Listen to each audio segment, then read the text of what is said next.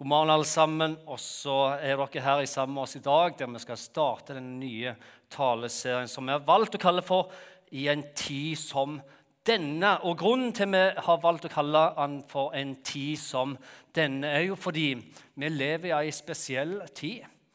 Og Hvis en da leser i Bibelen og det profetiske ord som er Bibelen, både historien om Gud og om mennesket, men også en profetisk bok om Gud og om mennesket, så kan mange si, og mange si det, at denne tida her er ei helt spesiell tid. Så det vi skal gjøre de tre neste søndagene, eh, er dette, og vi begynner nå i dag, er at vi skal snakke om, eh, om, om ikke vi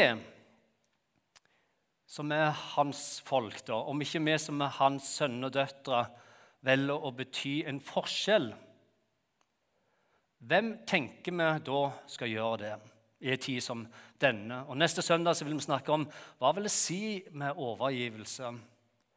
Vi vil være innom identiteten vår som troende. Og Siste gang så skal vi inn, vi skal inn i åpenbaringsboka. Det står om den første kjærlighet. og det står om Hvor ble det av den første kjærligheten? Og vi skal se noe av det profetiske ordet om den siste tida. Det blir veldig fint, og det blir veldig, veldig bra. Men i dag så er spørsmålet vi stiller oss hvem skal gjøre det om ikke vi?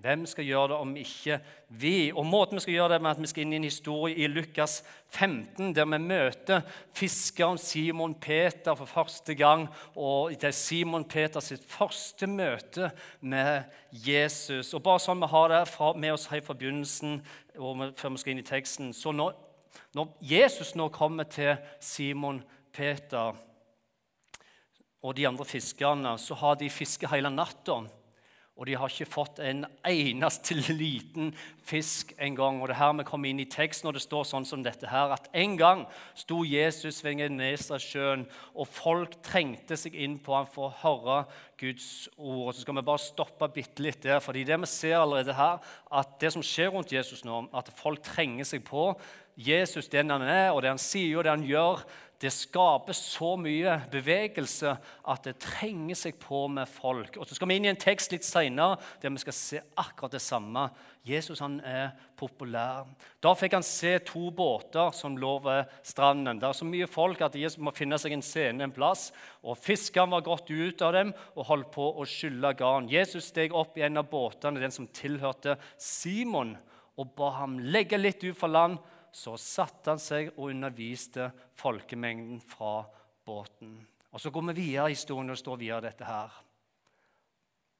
Da han var ferdig med å tale, sa han til Simon.: Simon, legg ut på dypet, og så setter du garnet til fangst.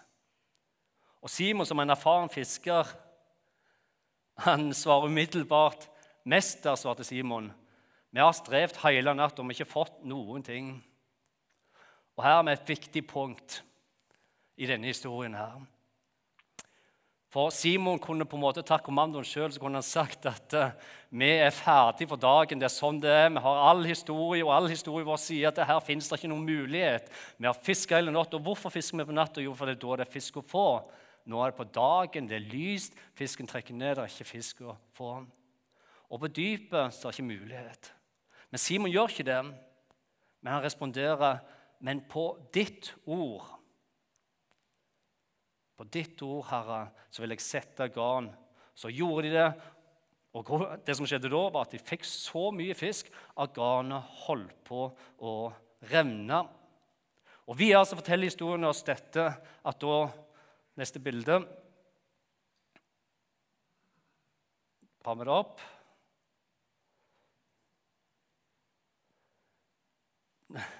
Da ga han tegn til arbeidslaget fordi det var så mye fisk i den andre båten at de skulle komme og ta i med dem. Og Da de kom, fulgte de begge båtene så de var nære ved å synke. Da Simon Peter så dette, så kastet han seg ned for Jesus sine føtter ute i båten der og sier, 'Gå fra meg, Herre, for jeg er en syndig mann.'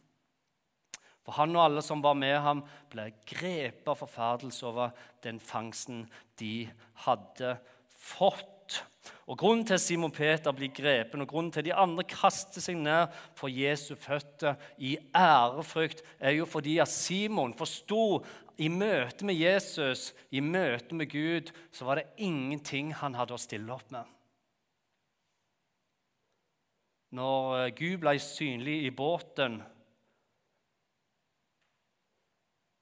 når Jesus viste seg å være den han sa han var, så oppdager Peter hvem han sjøl er. Og Det er sånn det er at eh, det er først når Jesus viser oss hvem han virkelig er, at vi også oppdager hvem vi virkelig er. For det er først når Guds lys, når Hans nærvær, når hellig Gud, evighetens Far, når Hans lys lyste i båten der ute på dypet og Først da de forsto hvem de sjøl var. Jeg er en syndig mann, Herre. Gå ifra meg, hellige Gud. Og Peter han kaster seg ned for Jesu føtter, og det står videre dette her. På samme måte var det med Sebedeus' sønner, Jakob og Johannes, som fisker sammen med Simon. Men Jesus sa til Simon, 'Vær ikke redd, for nå skal du fange mennesker.' Så rodde de båtene i land. De forlot alt, og de fulgte han.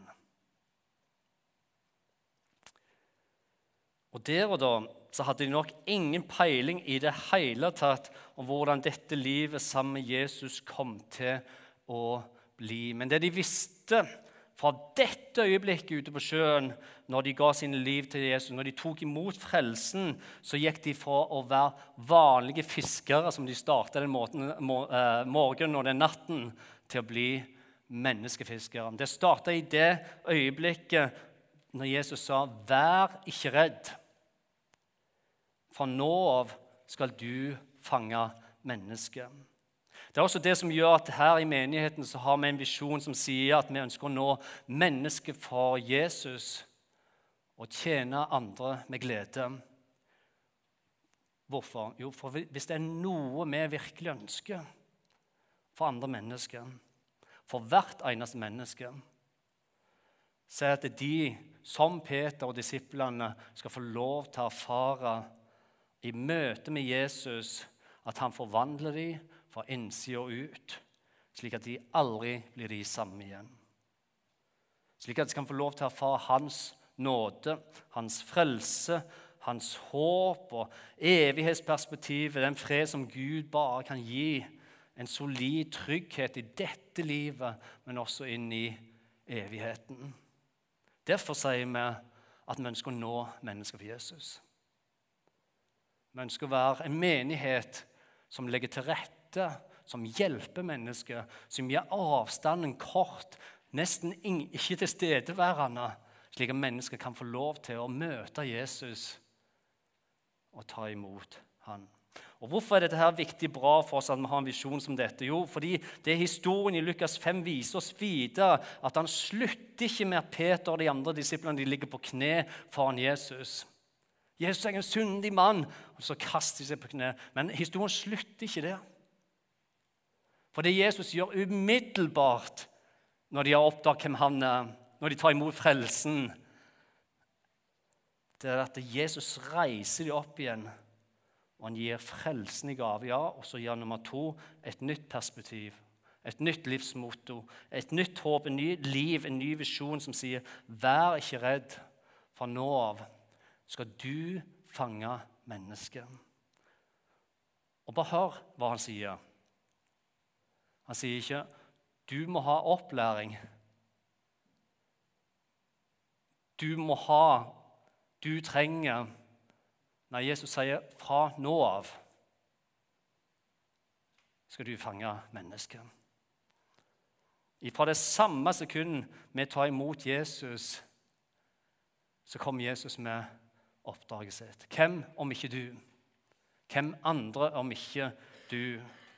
Og som jeg sa tidligere, så skal vi nå tilbake bitte litt til det Jesus holder talen ute i båten. Før, før den store fiskevangten, før Peter kneler, og før Jesus gir dem oppdraget, så skjer det noe oppi båten, og det er at Jesus underviser. Og lignelsen han forteller, eller historien han forteller, handler om såmannen. Så Den første historien Peter hører fra Jesus, er om såmannen som går ut og sår. Og Markus han har fanget opp dette i sitt evangelium, der han skriver dette. Og nå må vi forstå at eh, som den andre historien starta med at masse folk samlet seg, og de var rundt, starta også denne historien i Markus. Masse folk samlet seg rundt den fordi det er samme plassen. Og så starter Jesus å undervise ute i båten, og så sier han dette. Hør! Utropstegn. Hør, sa han. Nå, nå, må dere følge med, sa Jesus. En såmann gikk ut for å så, og da han hadde sådd, og da han sådde, falt noe ved veien, og fuglene kom og tok det. Noe falt på steingrunn, hvor det var lite jord, og det skjøt straks i været fordi jordlaget var tynt. Men da solen steg, ble det svidd og visna fordi det ikke hadde fått slå rot. Han fortsetter. Han sitter i båten, og han har sagt 'hør'. Noe falt blant tornebusker, og tornebuskene vokste opp og kvalte det, så det ikke bar frukt. Men noe falt også i god jord. Det skjøt opp, det vokste og bar frukt. Ja, 30 50, 60, ja 100 ganger det som ble sådd. Og så sier han til slutt Så avslutter Jesus som han begynte. Den som har øre å høre med, hør. Utropstegn. Og, og Der har vi igjen dette ordet 'hør'. Og når Jesus starter med å si 'hør', og han avslutter med å si 'hør', så tenker jeg her er det viktig å høre etter. Dette er viktig vi får med oss. Og så sier han at såmannen, han går og sår. Og her så man et bilde på Gud som sår ut. Noe som igjen betyr at såmannen går overalt, og han sår til alle mennesker enhver tid. Han sår ut Guds rike sak, og han sår ut frelse, håp, han sår ut helbredelse, og han slår frihet, Guds ord. Så spørsmålet er jo ikke om såmannen går og sår, for såmannen, han sår. Spørsmålet er om vi som hans utsendinger hjelper mennesket til en plass der er god jord, mulighet til å ta imot mulighet til å bevare det. For hvem tenker vi skal bringe mennesker til såmann om ikke vi gjør det? Hvem skal, om ikke vi velger å ha tid til å se, til å invitere? Når du leser evangelien, så ser du dette her igjen og igjen og igjen. og igjen, Hvordan Jesus på ulik måte han gjentar dette kallet om å nå mennesker for Han. Dette er vesentlig i evangeliene. Og det er vesentlig i hans liv. Han både viser med enkeltmennesket igjen og igjen og igjen og igjen hvor viktig dette er for Gud. Han forteller historier igjen og igjen og igjen om hvor viktig dette er for Gud. Og så avslutter han evangeliene, hvert eneste evangelie med å si hvor viktig dette er for Gud. Det er fire evangelier. Som ikke det var nok, så går han også inn i apostelgjerningene og sier det. Og bare se hva han sier. I Matteus 28, 19 så står det Gå derfor ut, gjør alle folkeslag til disipler. Sist han sier, I Markus 16 sier han dette. Gå ut i hele verden og forkynn evangeliet for alle mennesker. I Lukas 24 så sier han i hans navn skal omvendelsen og tilgivelse for syndens forkynnes for alle folkeslag dere skal begynne i Jerusalem. Johannes 20. Som far har sendt meg, så sender jeg dere. Og inn i apostelstjerningene. Og dere skal være mine vitner i Jerusalem og hele Judea og Samaria, ja, det er like til jordens ende. Og, og hvorfor gjør Jesus dette? Hvorfor repeterer han det? Og hvorfor viser han i handling igjen og igjen hva som er Guds hjertesak nummer én? Hvorfor gjør han det? Hvorfor må han formulere seg på nytt og nytt igjen og igjen? Jo, det må han fordi det er knapt noen ting i vår tro som lekker, som siler, som vi glemmer, eller som vi mister, som dette kallet her. Vi har en tendens til å skyve det bort. Sette det i andre rekke, nedprioritere det for andre ting som er viktige. Vi som enkeltmennesker, men også som menighet. For de bøtter og lekker. Denne visjonen, den dør. Brannen slukker, og lyset mister kraften. Og Der det var tidligere var menighet som var fullt av liv, framoverlenthet og tro, der låser de døren for siste gang nå menighet etter menighet i Norge. De dør, og de forsvinner, og noe av grunnen er at de mister fokus på hvorfor er vi i grunnen her. De sier det var fint møte i dag, men hvorfor var møtet fint? Og Derfor så gjentar Jesus dette igjen og igjen og igjen. Husk hvorfor vi er her. Husk at du er dagens menneskefisker. Thomas, og den som er psykoanalytiker og er forfatter og er fra California, skriver det sånn som dette her. I den grad menigheten reduserer til en samling i hvite som shopper, slik forbrukere gjør for å dekke sine egne behov, har vi intet grunnlag for fellesskap i den bibelske betydning av ordet. Vi kan umulig skape en motkultur av så porøst materiale. Og det jeg mener dette her. At vi alle påvirkes av kulturen og måten vi lever på, om vi vil eller ikke. Skal menigheten og livet vi lever sammen i fellesskapet, bli noe mer enn aktivitet vi gjør sammen noen ganger i uka? Skal vi speide inn mot de kommende generasjonene overleve bølgefull sekularisering som er over oss i Norge i dag? så må alle ta et personlig oppgjør med individualismen som rår i livet vårt. For noen år siden så mottok busselskapet London Transit eh, Commission en rekke med klager. Og Klagene gikk på at bussene deres ikke valgte å stoppe med bussholdeplassene som folk sto og venta på men istedenfor kjørte full fart forbi med lukka dører. Og klagene kom inn, og de hadde jo sin rute, men de valgte å hoppe over stoppestedene. Og folket ble sinte og irriterte fordi at de måtte stå og vente.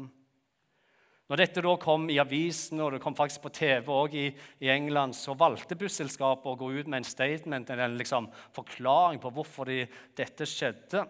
Og Det ble en slag og nesten et skremmende eksempel på hvor dårlig går det an å behandle kunden. For det de sa, var dette her, eller skrev Vi beklager, men det er umulig for oss å holde rutetiden når vi hele tiden må stoppe for å ta på passasjerer. Ja, da, da har vi tydelig glemt hvorfor vi starta, og hvorfor vi ennå er her. For Hele grunnen til de starta, var jo for å flytte mennesket fra A til B. For å hjelpe mennesket fra dette stedet til å komme til dette stedet. Det var visjonen, det var grunnen til de startet. Det var derfor de kjøpte inn alle bussene, det derfor de ansatte alle mennesker. For å hjelpe mennesket herifra til å komme hertil. Truls Åkerlund, som er forkynner, forfatter, akademiker, han skriver i boken sin 'Gud i kirkeasyl', som er en flott bok. Som kristne må vi se alt vi gjør, i lys av målet. Om å være et tegn og en tjener for himmelens rike her i verden. Menigheten er Guds folk, kalt av folkeslag for å tjene ham. Ja, Det store spørsmålet er da om verden kan se at kongen virkelig er til stede iblant oss. Skal vi være kongens folk, må vi gjøre kongens vilje.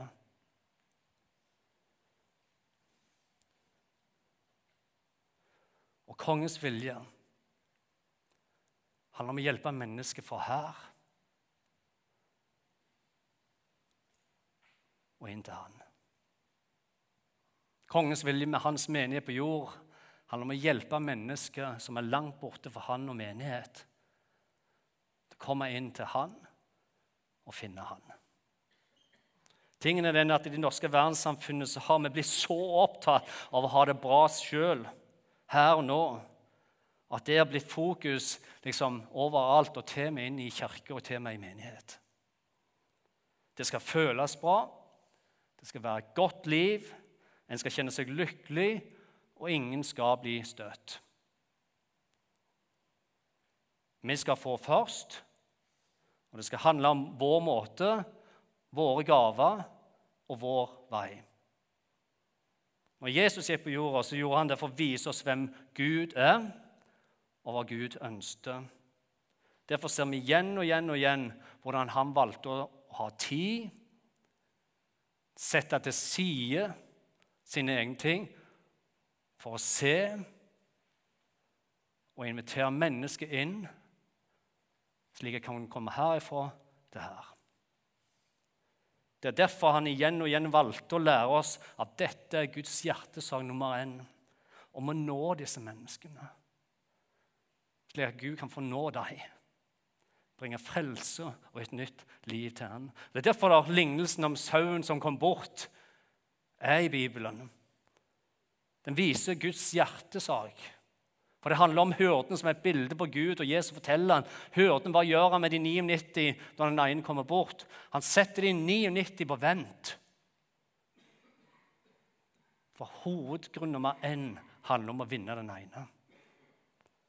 Så hyrden han går ut og han leter og han finner sauen, og han velger å forlate det 99 for å redde den ene. Og Hvorfor er det sånn? Jo, fordi dette her er en Guds sak. Om å redde den som er fortapt. Per Arendal skriver sånn som dette her. Livet det er for kort til å ikke handle Livet det er for dyrebart til å la humla suse. For det eneste som går helt av seg sjøl, er forfallet. Men det gode, det du ønsker, må du jobbe for å få. For hvem tenker vi skal gjøre dette, om ikke oss? Hvem skal ha tid om ikke vi har tid? Hvem skal se om ikke vi ser? Og hvem skal i grunnen invitere i en tid som denne, om ikke vi inviterer? Tidligere erkebiskop av Canterbury, William Temple, han skrev tilbake på 1920-tallet dette her, at den største tjeneste et menneske kan gjøre et annet menneske, den største tjeneste vi kan gjøre for et annet menneske, er å invitere ham med, slik han kan få muligheten til å møte Jesus. For når han tar bort alt det andre, da, som er så viktig for oss Som er så åndelig viktig for oss Så er det dette det handler om. Å velge tid til å se og invitere andre mennesker med seg på veien til himmelen. Det er ifølge Bibelen og ifølge Jesus sitt liv superåndelig. Det er åndelig. Å hjelpe mennesker fra denne veien og inn til hans vei. Det er Guds sak nummer én. Når sårmannen gikk ut for å så sine frø, så tok han ei bøtte. Og i denne bøtta her så hadde han masse frø som han gikk og sådde rundt omkring. Og det var håp til dem, og det var kraft til dem. Det var frelse, og det var helbredelse. Det var et nytt liv som han sådde ut. En ny start, tenkte de. Det var omsorg, og det var trøst, og det var kjærlighetsfrø, og det var trosfrø. Og såmannen, han så dag etter dag etter dag sår han. Så det Spørsmålet handler jo ikke om såmannen sådde eller ikke. Spørsmålet handler jo om hvilket jordsmonn frøene havna på.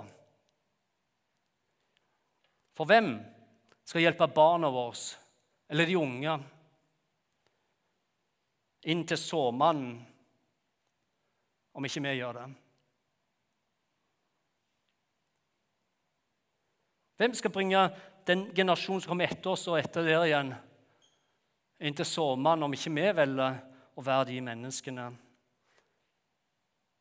Slik at den kommende generasjonen skal få lov til å vokse opp med håp, med Guds kjærlighet, med hans frelse. At de skal få lov til å kjenne at 'jeg har et nytt liv'.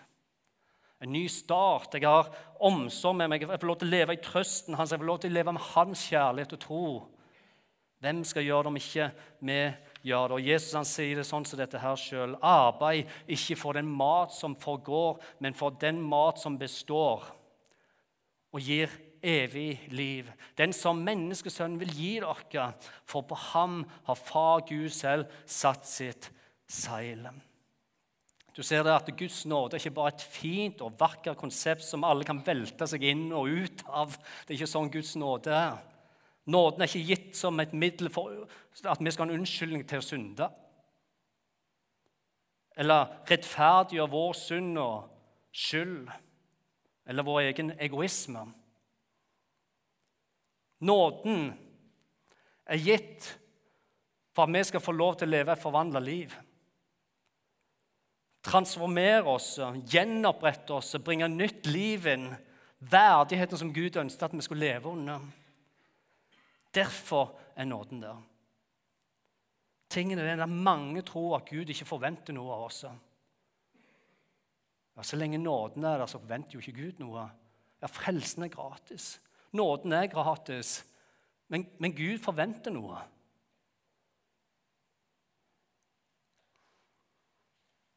Jesus sier sjøl sånn som dette. Kom til meg, alle dere som strever og bærer tunge byrder, jeg vil gi dere hvile. Ta mitt år på dere og lær om meg. For jeg er mild, og jeg er ydmyk av hjerte. Så skal dere finne hvile for deres sjel, for mitt åk er godt, og min byrde er lett. Hør, ja, først gaven. Og så oppgaven. Gud vil gi hvile, Gud vil gi fred, og han er mild og han er ydmyk av hjerte. Men etter det så fins det et oppdrag til hver eneste en av oss. Først gaven, men så oppgaven. Ta mitt år på dere er å gå med Gud, og det handler om å lære av Han. Hva er din hjertesak, Gud? Nummer én. Først gave men så oppgaven. Og Det var dette Peter og disiplene fikk lov til å oppdage ute på dypet denne dagen, når de kasta seg ned på Jesu føtter. Først gaven. Frelse, nåde. Wow, Gud. Men så oppgaven. Her og fra nå av så skal du bli en menneskefisker. Tingen er den at sånn som det er her i menigheten, så har ikke vi en eneste en å miste. Vi har ingen barn, ingen unge, ingen voksne og ingen eldre. Vi har ingen å miste. Men har mange å sende. Misjonærer er vi på våre arbeidsplasser, våre skoler, i vårt nabolag, i våre venneflokker og i vår familie. Menneskefiskere. Menneskefisker som bærer med seg den største og beste graven som noe menneske kan få tak i. Frø som gir nytt liv, håp, ny tro, frihet fra fangenskap, helbredelse kanskje, kraft. For hvem skal gjøre det om ikke vi gjør det? Hvem skal gjøre det nå i dag? Om ikke vi velger verdi, som hjelper mennesker herifra. Vi ser dem, vi har tid til dem, vi inviterer dem, slik at de kan få lov til å komme her og møte Jesus. Se hvem han virkelig er som Simon Peter og disiplene fikk den dagen ute på dypet der. Skal vi avslutte, og så skal vi be sammen. Gode Far i himmelen, vi takker deg for din godhet. Og takk for at du valgte å bøye deg ned og du valgte å gi ditt liv for våre liv. Takk, Herre, for muligheten du ga oss om alle skal få lov til å følge deg. Må du, Herre, hjelpe oss slik at vi aldri mister din hjertesak, din viktigste sak, Herre. Hjelp oss til ah, Må du vise oss at vi må ha tid. At vi ser og vi inviterer med oss, Herre. Gode Far himmel, takk for at du kaller oss til å hjelpe andre mennesker. Slik at de kan komme fra der de er, og inn til deg, Herre. Takk for at du sår og du gir oss muligheter hver eneste dag til å ta imot de frøene som du sår. Må du hjelpe oss, Herre, med at vi ikke mister det. At også de rundt oss trenger disse frøene, Herre. I tid som denne, Herre, har dine frø aldri betydd mer. I tid som denne, Herre, hjelp oss, Herre, til å ta imot gaven, men også stå i oppgaven, Herre. Hjelpe mennesket hjem til deg. I Jesu navn. Amen.